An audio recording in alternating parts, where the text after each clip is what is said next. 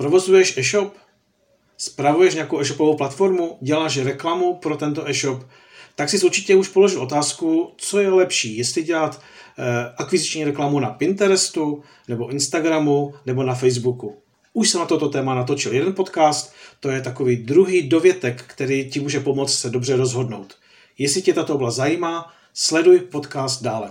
Co je e-shop marketing a jak vám pomůže? Jedná se o novou disciplínu marketingu, která pomáhá e-shopům využít nástroje online marketingu tak, aby dokázali vyhrát nad konkurencí. Přihlaste se k odběru a zapněte si upozornění, ať vám nic neunikne. Někdy se mě na konzultacích majitele firm ptají, jestli jsou reklamy na Pinterestu skutečně tak účinné. A já říkám, ano, jsou účinné zejména s ohledem na objevování nových značek. Ukázalo se, že uživatelé Pinterestu mají zhruba o 47% vyšší pravděpodobnost, že se raději seznámí s vaší neznámou značkou, než kdybyste propagovali na sociální síti Facebook a Instagram. To vám přece musí otevřít oči.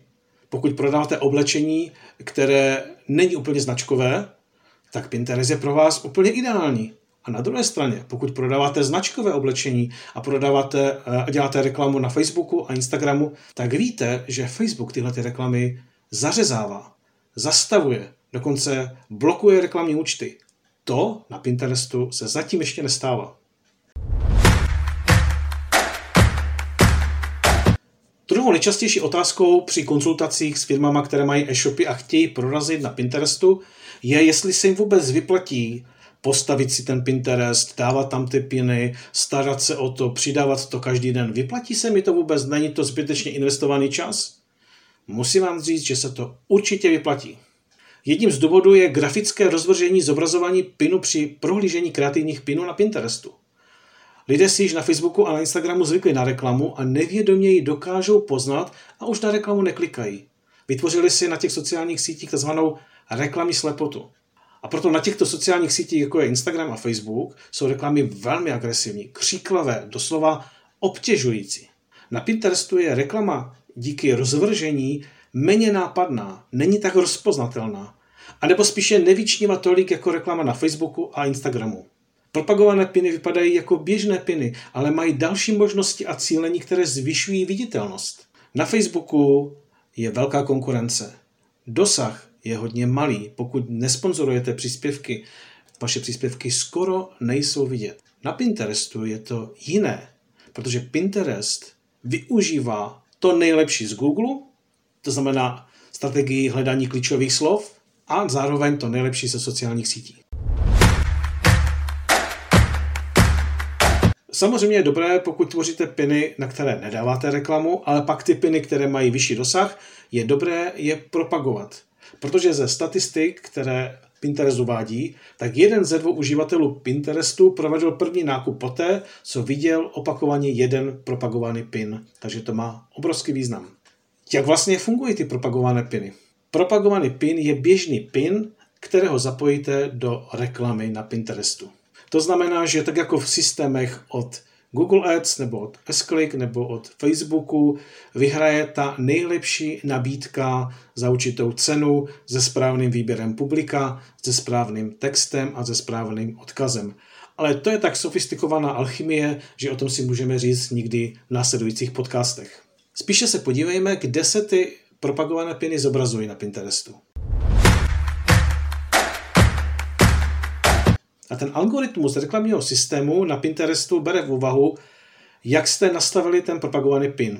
Jinak se chová zobrazení propagovaného pinu v případě vybraných zájmů uživatele.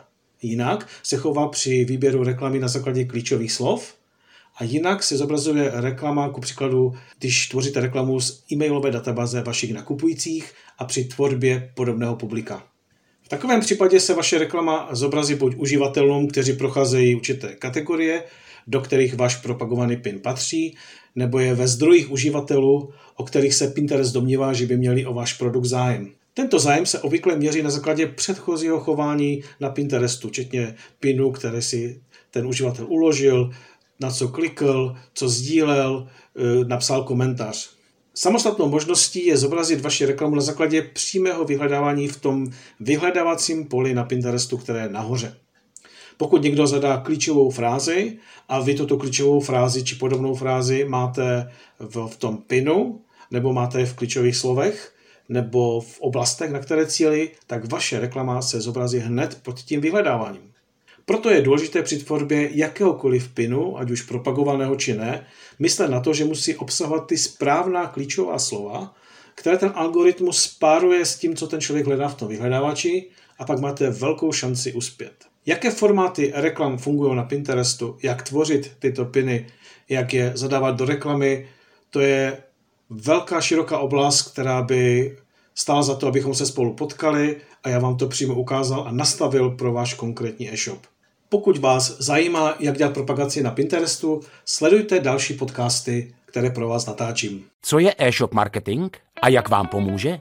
Jedná se o novou disciplínu marketingu, která pomáhá e-shopům využít nástroje online marketingu tak, aby dokázali vyhrát nad konkurencí. Přihlaste se k odběru a zapněte si upozornění, ať vám nic neunikne.